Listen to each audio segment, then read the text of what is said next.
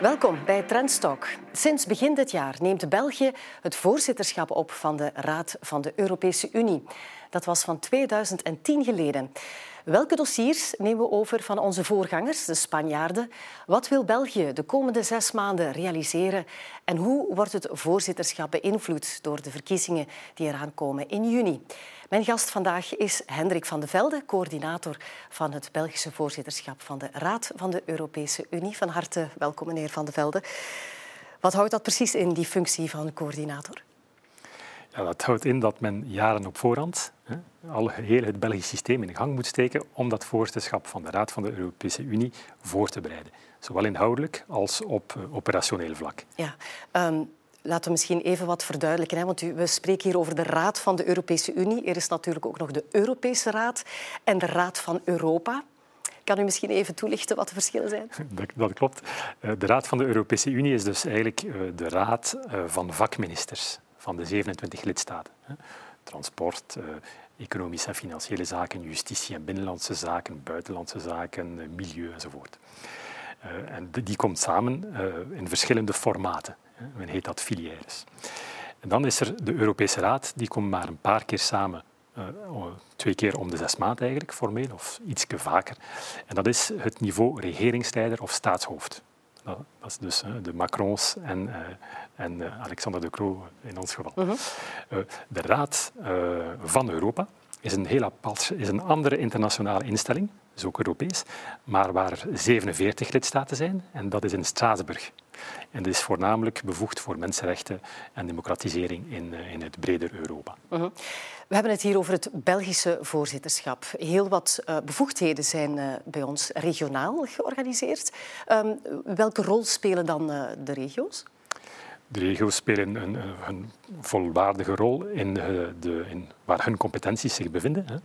En in het geval van het voorzitterschap is dat bijvoorbeeld industrie voor Vlaanderen, cultuur en media. Voor Wallonië, die dus ook de raad in naam van België zal voorzitten, is het onderzoek en hoger onderwijs. Ja, maar wat is dan de verhouding tussen ja, de verschillende regio's? Wie leidt de gesprekken dan? Dus ofwel is het federaal niveau als intern de bevoegdheden eerder federaal zijn, als de bevoegdheden voornamelijk regionaal of gemeenschappelijk zijn, dan zullen het de regio's of de gemeenschappen zijn. Als, het, uh, als de raad wordt voorgezeten in de naam van België door de regio's of de gemeenschappen, moeten de gemeenschappen en de regio's dan ook overeenkomen onder elkaar van wie er zal voorzitten. Uh -huh. Vandaar dat Vlaanderen dan industrie geworden is en Wallonië onderzoek en uh, en innovatie bijvoorbeeld. Ja. U sprak daarnet al van een zeer lang voorbereidingsproces. Uh, wat houdt dat in? We hebben nu de fakkel overgenomen van de, de Spanjaarden. Hoe gaat dat uh, precies in zijn werk? Dus de, de, fakkel overnemen, dat gebeurt heel, heel snel. Hè. Dat is uh, de laatste paar weken voor het einde van het vorige voorzitterschap. Worden onze diplomaten hè, rond Schuman, het Schumannplein, dat is, uh, men heet dat zo omdat dat uh, die buurt is in Brussel waar alle Europese instellingen zich bevinden. onze diplomaten daar worden betrokken bij alle onderhandelingen een paar weken op voorhand. Maar dat is maar een paar weken. Maar jaren op voorhand natuurlijk is men, heeft men de operationele voorbereidingen, budget, personeelsversterkingen enzovoort. En dan ook intern Belgisch, iedereen beginnen inhoudelijk voor te bereiden. Alle verschillende FODs, eh, de gefedereerde entiteiten die bevoegdheden hebben van wat zijn jullie doelstellingen, wat zien jullie op ons afkomen, uh, welke zullen de grote thema's zijn. Dat is ongeveer 18 maanden geleden. En dan bij de grote thema's, wat, is eigenlijk, wat zou een prioriteit zijn? En wat, zal de situatie zijn in 2024 enzovoort? En zo komen we aan prioriteiten waar, waardoor we ons programma kunnen schrijven. Ja, wie wordt daar nu precies allemaal bij betrokken? Ik neem aan de verschillende uh, ministeries, maar ook eh, wordt er extra volk aangetrokken, toch? Hè? Ja, elke, dus we zelf als Buitenlandse Zaken, die, die al die dat voorzitterschap hebben gecoördineerd, hebben het meest uh, personeel aangeworven. Maar alle gefedereerde... Over hoeveel mensen spreken we dan? In totaal op federaal niveau spreken we van 360 mensen. Ja, ja. Die alleen dat, voor, dat voorzitterschap voorbereiden. Wat, zijn, wat, is, wat is dan het Niet alleen, die, dus, die, die de FODs, de, de, ministeries, versterken om het voorzitterschap voor ja. te bereiden. Uh -huh. Dus een honderdtal op buitenlandse zaken, 360 in totaal, uh -huh. waarvan een, op die 360 ook een honderdtal naar onze ambassade bij de EU, de permanente vertegenwoordiging van uh, België bij de EU. Daar zitten er honderd uh, mensen ook bij. Ja, en wat is het profiel van die mensen? Meestal zijn dat jonge uh, afgestudeerde masters of met één of twee jaar ervaring in Europese of internationale zaken. Dat is zo het profiel. Maar dan andere, uh, andere laten we zeggen, ministeries of vakministeries voor milieu gaan dan misschien iets meer uh, expertenprofiel aangeworven hebben. Maar meestal zijn het wel mensen met, met een algemeen Europees, Europees studiesprofiel. -hmm. Welke initiatieven kan België als voorzitter dan nemen tijdens die zes maanden? Initiatieven uh, kunnen we nemen. Hè, en dat, ja, op welke manier kunnen we eigenlijk een stempel drukken? Meestal door, uh, door de, het informeel programma. Uh, wat, wat, wat we bedoelen met informeel programma. De, de formele vergaderingen, uh, dat zijn de vergaderingen van de raden, de Raad Milieu, Raad Transport, die zijn bepaald door het raadssecretariaat, dat is institutioneel. Dat wordt ook betaald door het budget van de Europese Unie. Natuurlijk, elk voorzitterschap wil iets meer doen, wil initiatieven nemen, zoals u zegt, doet een informele ministeriële raad over sociale zaken. Vandaag is nu een bezig in Namen bijvoorbeeld daarover. Om een zeker onderwerp uh, te verdiepen en zo, die niet formeel op de agenda staat. Dat is het informeel karakter van een vergadering. En daar nemen de voorzitterschappen hun initiatieven meestal. Ja. Um, is het eigenlijk een een goed systeem? Werkt dit om om de zes maanden dat voorzitterschap uh, door te geven? Zorgt dat voor voldoende continuïteit? Wel, voor veel andere instellingen hebben we soms gekozen voor een vast voorzitterschap. De Europese Raad uh is nu een vast voorzitterschap. Eh, de, de Eurogroep, dus de ministers van Financiën eh, die, zich, die, die de zaken, die de muntunie zaken opvolgen. De Eurogroep, dat is ook een, een vaste voorzitter, dat is een Ier. Uh, er zijn nog een paar werkgroepen op technisch niveau die ook vast voorgezeten worden. Men heeft gekozen voor een vaste voorzitter voor buitenlandse zaken, de hoge vertegenwoordiger voor buitenlandse zaken, Josep Borrell.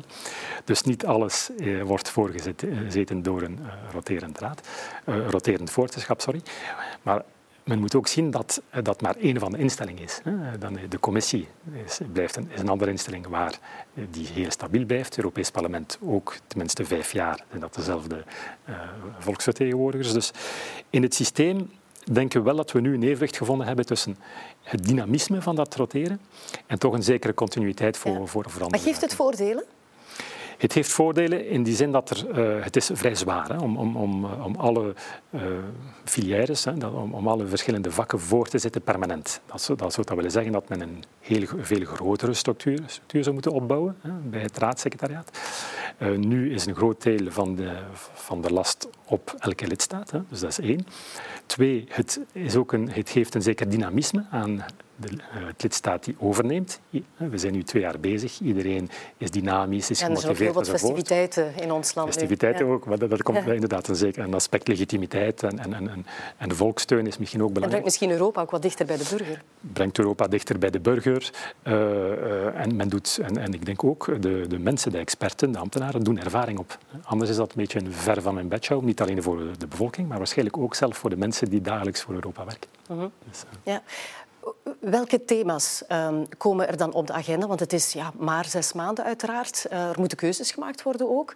Ja. Dus hoe worden um, de bepaalde thema's geagendeerd? Wie beslist daarover? Beetje, dus er, bestaat een strategische agenda voor vijf jaar, hè, waar de grote thema's bepaald worden, de prioriteiten. En dat is uh, gemeenschappelijk. Dus elk voorzitterschap voert dat uit. Natuurlijk, dat wordt aangepast aan de actualiteit. Hè. We hebben de energiecrisis gehad vorig jaar, dat was uh, twee jaar voor de covid-crisis. Dus die doelstellingen worden duidelijk aangepakt. Maar het is wel zo dat niet elk voorzitterschap bepaalt wat de prioriteiten gaan zijn volledig. Hè. men bouwt op op wat er bestaat, men neemt de fakkel over, dus grotendeels is de agenda al bepaald. Wat uh, het roterend voorzitterschap wel kan doen, is kiezen wat er misschien opzij moet gezet worden en wat er, uh, wat er wel moet geagenteerd worden. Niet, men vindt niets uit, maar men kan zeker prioriteiten geven.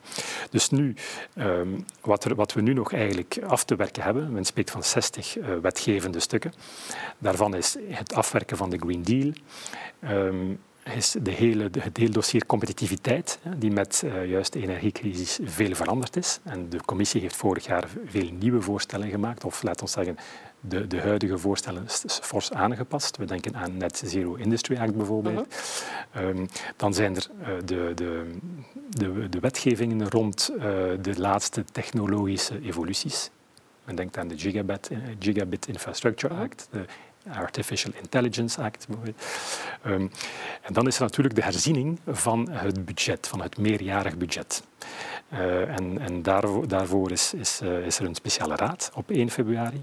Die gaat gaan over die 50 miljard voor Oekraïne en ook over strategische technologieën, platform voor Europa. Ja, ik wil een aantal van die thema's um, wat, uh, wat toelichten. Hè, want het is natuurlijk wel boeiend, zeker in de positie waarin dat u zit, dat u ons daar wat meer over kan vertellen. Laten we het misschien eerst hebben over hervormingen. U zei net al, zeker op budgetair vlak, maar ook op beleid zijn er hervormingen nodig. Um, wat staat er precies op de agenda? Want ik las op de website ook dat de rechtsstaat, de democratie en de eenheid verdedigd moet worden onder dat voorzitterschap.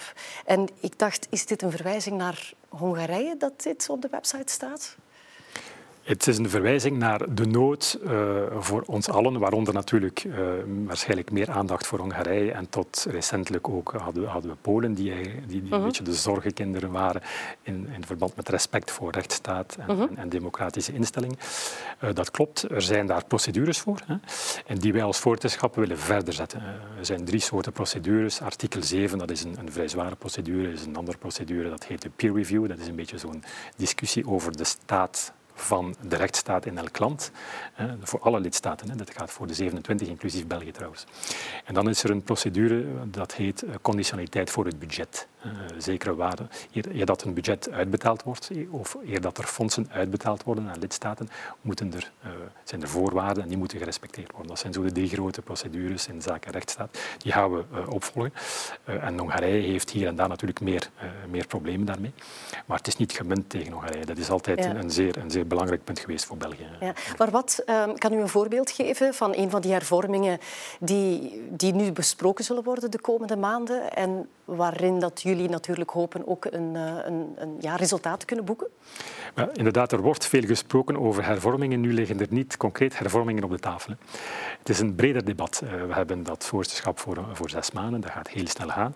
Maar wat er nu wel beslist werd, is uh, om kandidaatstatus te geven. Dat was al vorig jaar, maar -huh. om de onderhandelingen te openen met Oekraïne en Moldavië voor toetreding. Dat is iets voor, voor vrij lang termijn, maar die beginnen, die zullen tijdens ons voorzitterschap beginnen. De commissie gaat komen met een voorstel van technische, technische, een technisch kader voor onderhandeling.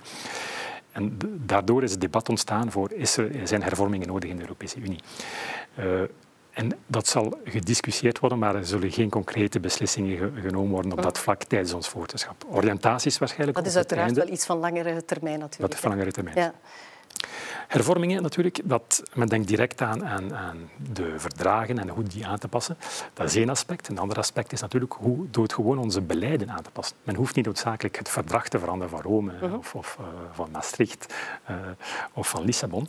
Uh, het volstaat om eens grondig te kijken naar de manier waarop het geld uitgegeven wordt en hoe we onze beleiden, de grote beleiden, cohesie, landbouw, interne markt enzovoort, hoe we dat kunnen aanpassen en het future-proof of enlargement-proof maakt. Dat is een, is een grote doelstelling. En uh, de derde doelstelling is ook eens om te kijken naar de budgetten zelf. Uh, in 2027 uh, komt er een nieuw meerjarig financieel kader.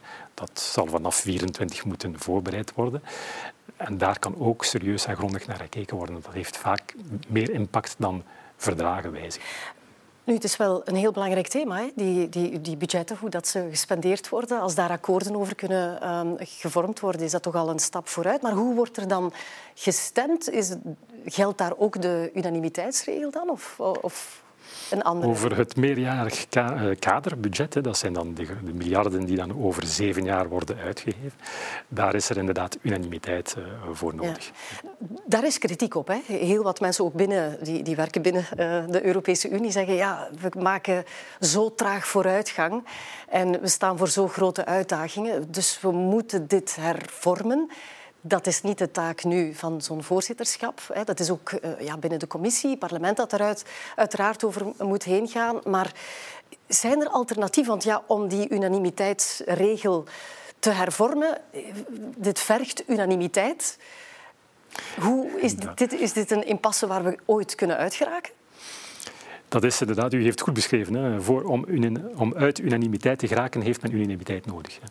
Um, dus welk land gaat dat aanvaarden? En, en, de, en de, de, landen die, die, daar sterk op staan, zijn natuurlijk de moeilijkste landen ook in de onderhandelingen vandaag. Maar we moeten ook niet uh, het belang daarvan overschatten. Hè. Men heeft gezien tijdens de covid-crisis, en, en, als er iets heel belangrijk is, hè, is het niet de procedures die ons weerhouden eigenlijk. Als er politieke wil is, kan men daar altijd uh, voorbij gaan. Dus dat heeft men ook al kunnen vaststellen. Dus de laatste jaren vindt men dat iets minder centraal, die problematiek van unanimiteit.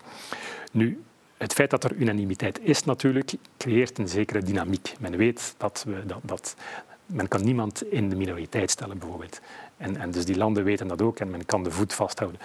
Uh, dus dat, het verandert een zekere dynamiek, alhoewel er, omdat er bijna nooit gestemd wordt inderdaad. Hè. Dat is iets, uh, concreet wordt er niet gestemd. Men, maar als men weet dat men een meerderheid heeft, dan de landen die in de minderheid zijn, weten dat dan.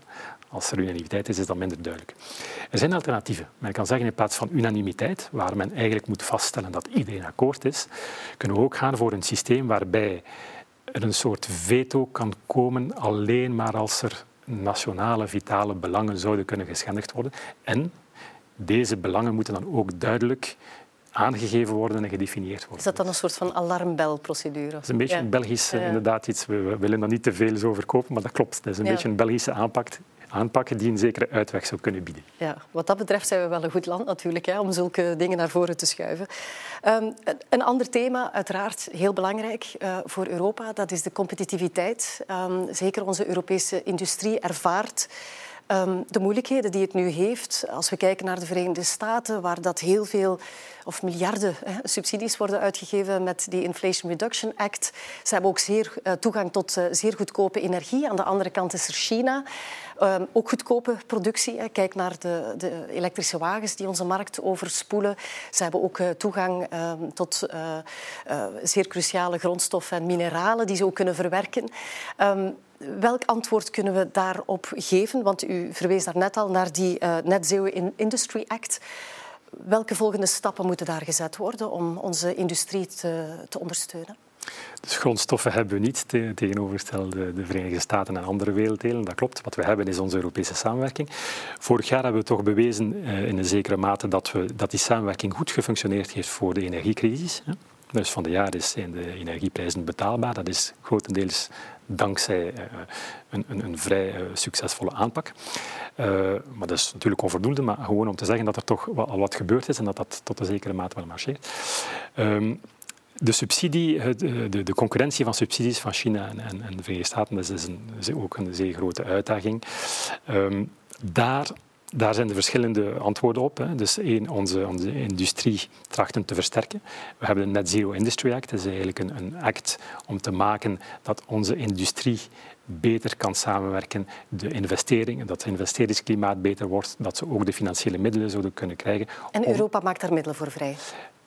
Gedeeltelijk. Uh, of of ma maakt gemiddelen vrij. Of, en dat is een ander, uh, dat is een ander wetgevende stuk, vervolledigt de kapitaalmarktunie bijvoorbeeld. Hè, zodat, zodat er een kapitaalmarkt bestaat die KMO's en andere firma's het mogelijk maakt om die schaalgrootte te hebben die de Verenigde Staten heeft. De Net Zero Industry Act is eigenlijk meer om carbonvrije of carbonlage oplossingen of industrieën mogelijk te maken. Samenwerking, programma's, beter investeringsklimaat enzovoort. Dat is wat, dat betreft. Dat is een beetje voor de, de onmiddellijke toekomst, eh, waar, we nu mee bezig zijn. Dus Capital Markets Union, Net Zero Industry Act. Voor een, een, een iets langer, geen langtermijn, maar midtermijn, hebben we nu gevraagd ook als voorzitterschap aan Enrico Letta om, uh, om een studie te maken. En dat, dat wordt verwacht in, in, maart, tijdens de Europese top van maart, die, die traditioneel gewijd, toegewijd is aan economische zaken om voorstellen te maken voor de interne markt te moderniseren. De interne markt is, uh, is een, eigenlijk een project van Jacques Delors. Ja. Uh, maar het is tijd om die aan te passen ja, aan de die, nieuwe realiteit. Die staat onder druk, ook omwille van uh, ja, heel wat grote landen die meer middelen kunnen vrijmaken om hun industrie te ondersteunen, om goed te kunnen concurreren met uh, bijvoorbeeld de Verenigde Staten of, of China. Kleinere landen hebben die, die middelen niet of veel minder. En dat brengt wat spanningen teweeg hè, binnen die interne markt. Dat is juist trouwens, dat is ontstaan tijdens de covid-crisis. Heeft men toegelaten om, om de lidstaten terug steun te geven aan hun industrie.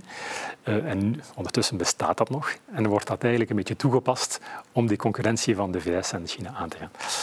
Uh, voor de grote lidstaten, die hebben, zoals je zegt, die hebben iets minder, iets meer uh, ruimte om dat te doen. Maar zelf voor hen is het niet genoeg. Hè. Dus uh, Duitsland kan het meeste uitgeven, Frankrijk dan als tweede. Maar Frankrijk als tweede is ook niet tevreden dat, dat Duitsland meer kan. En zo verder en zo verder. Dus iedereen heeft daar wel belang bij dat die subsidierace eigenlijk op Europees niveau aangepakt wordt. En dat we, daar, dat we dan een, een strategie hebben vis-à-vis -vis China en, en de Verenigde Staten, een van de onderdelen van deze strategie is de STEP. Dat is deel eigenlijk, dat is geen eh, wetgevend stuk, dat is deel van, eh, van het financieel kader die we nu aan het herzien. De Strategic Technologies for Europe platform. Dat is om mogelijk te maken voor zekere strategische technologieën te ondersteunen. Dat is ook iets dat uh, moet afgeklopt worden tijdens het Belgisch voorzitterschap. Maar in de toekomst zullen we daar verder op, in, op, ingaan. En de Europese Commissie moet afkomen met een, een industry strategy voor, voor, de, komende, voor de komende weken. en de, onze premier spreekt heel vaak over een New Industrial Deal. Dat is een beetje een langere termijn perspectief. Uh, om de verschillende aspecten van de interne markt en van de andere beleiden van de Europese Unie in deze richting uh, te duwen. Mm.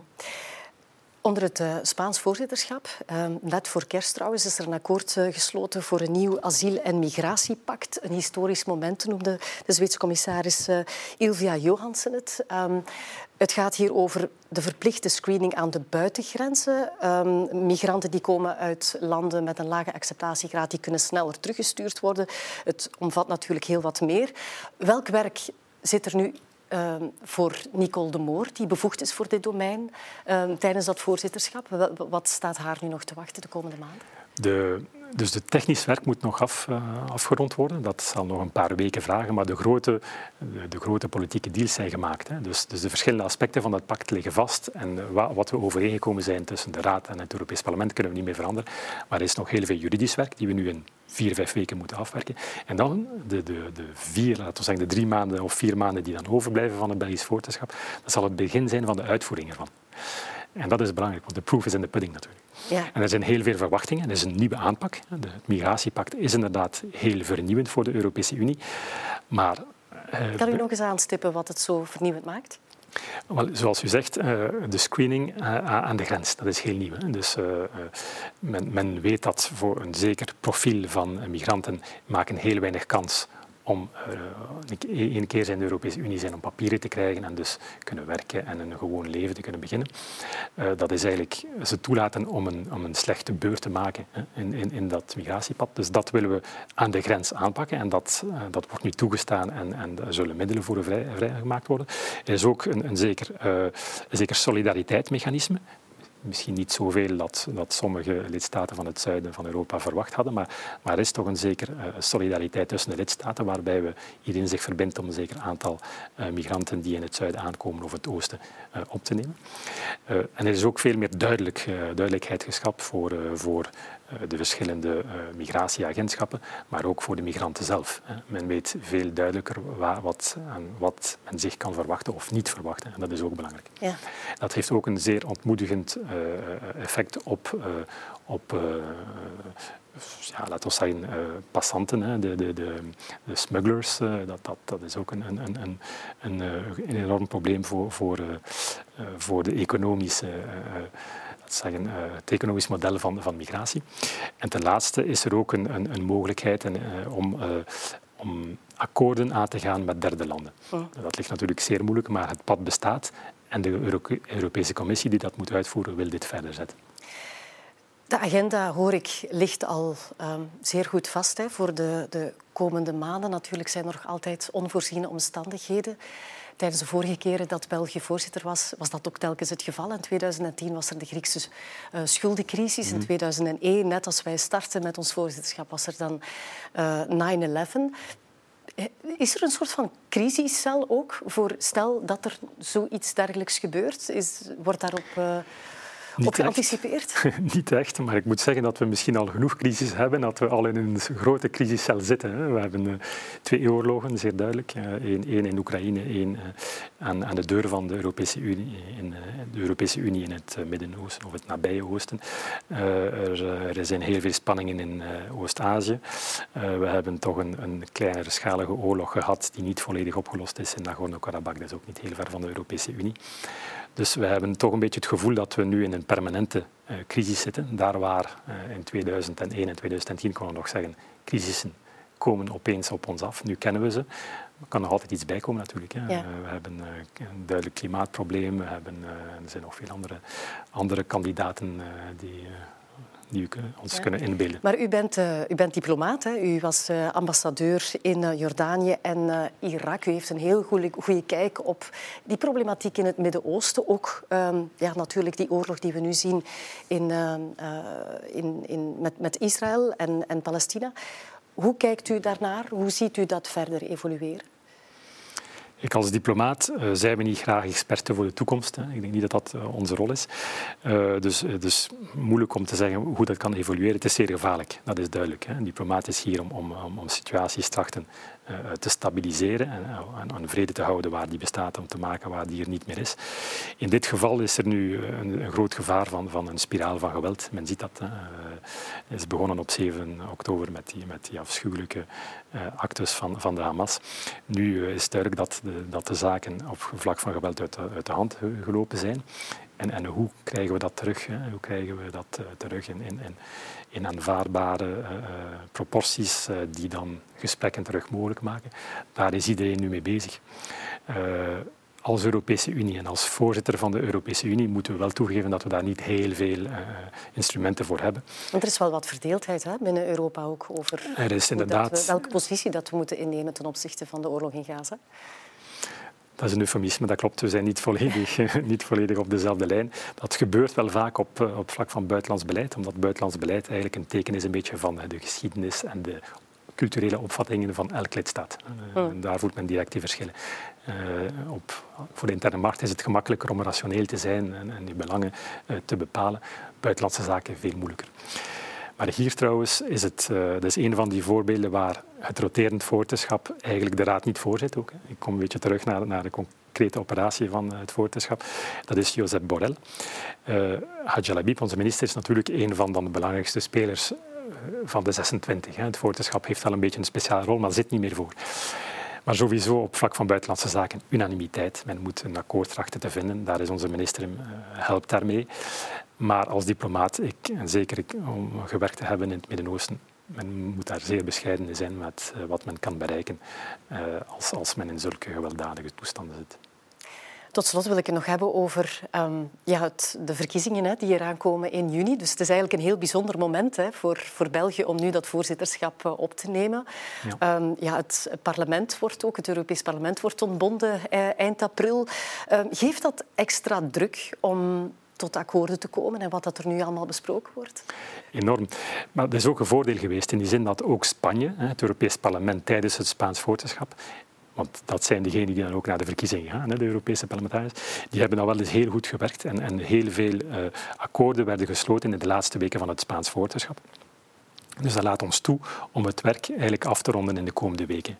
Zal heel intens zijn. Hè. Dus in de komende weken? In de komende weken. Ja. Het wetgevend We zijn nog maar net gestart. Net gestart. Maar uh, vier, vijf weken heeft men om al die wetgeving die men echt wil laten aannemen nog door het uh, Europees Parlement voor april, dan moet midden februari afgerond zijn. Want dan is er juridisch werk, vertalingswerk enzovoort. Anders is het, als het, als het niet lukt, gaan we moeten wachten tot september, oktober om dat aan te nemen kan ook. Hè. Zekere wetgeving, stukken van wetgeving zullen tot oktober eh, uitgesteld worden enzovoort.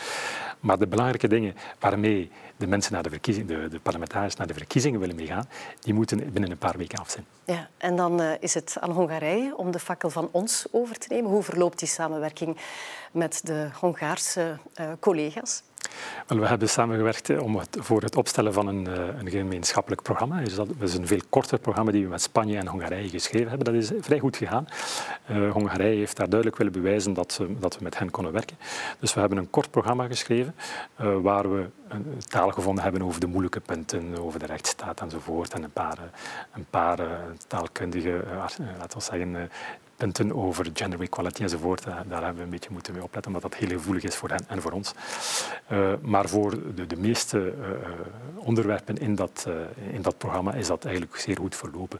En ja, want we, zien natuurlijk een, een premier, premier Orbán, die ja, vaak stokken in de wielen steekt. Um, merkt u een andere ingesteldheid bij de diplomaten waarmee dat u moet werken en de de permanente vertegenwoordigers? Dat hangt er vanaf van het onderwerp. Als het over die grote onderwerpen gaan, dat belangrijk zijn voor het staats, de regeringsleider of het staatshoofd, dan, dan zijn de ambtenaren ook moeilijk natuurlijk. Die, die, die voeren uit wat ze moeten uitvoeren, wat, wat op politiek niveau beslist wordt. Dat doen wij ook. Maar op veel punten zijn we eigenlijk op dezelfde golflengte over, over als het gaat over de, het functioneren van de interne markt. Hongarije is ook een industrieel land, heeft, is ook een land van KMO's die investeringen aantrekt, die competitief is. Dus daar zijn we vaak uh, akkoord over, uh, over de, de, doelstellingen. Goed, wanneer is het, uh, dat voorzitterschap voor u geslaagd? Iets waar u, dat, u al zo lang aan werkt. Wanneer is dit voor u een geslaagde operatie geweest? Ik zou zeggen, ja, de, de proef zal nu zijn voor 1 februari. Uh, men heeft niet veel over Oekraïne gesproken. Uh, dat is toch een geopolitieke omwenteling die uh, ontzettend historisch, een historisch belang zal hebben. Dus die 50 miljard die we op 1 februari moeten beslissen te geven aan, aan, de, aan Oekraïne, zal toch een van de mijlpalen zijn. Wat Orbán natuurlijk niet of tegenhoudt, hè, voorlopig. Voorlopig. Ja, voorlopig. Oké, daarmee zullen we het laten.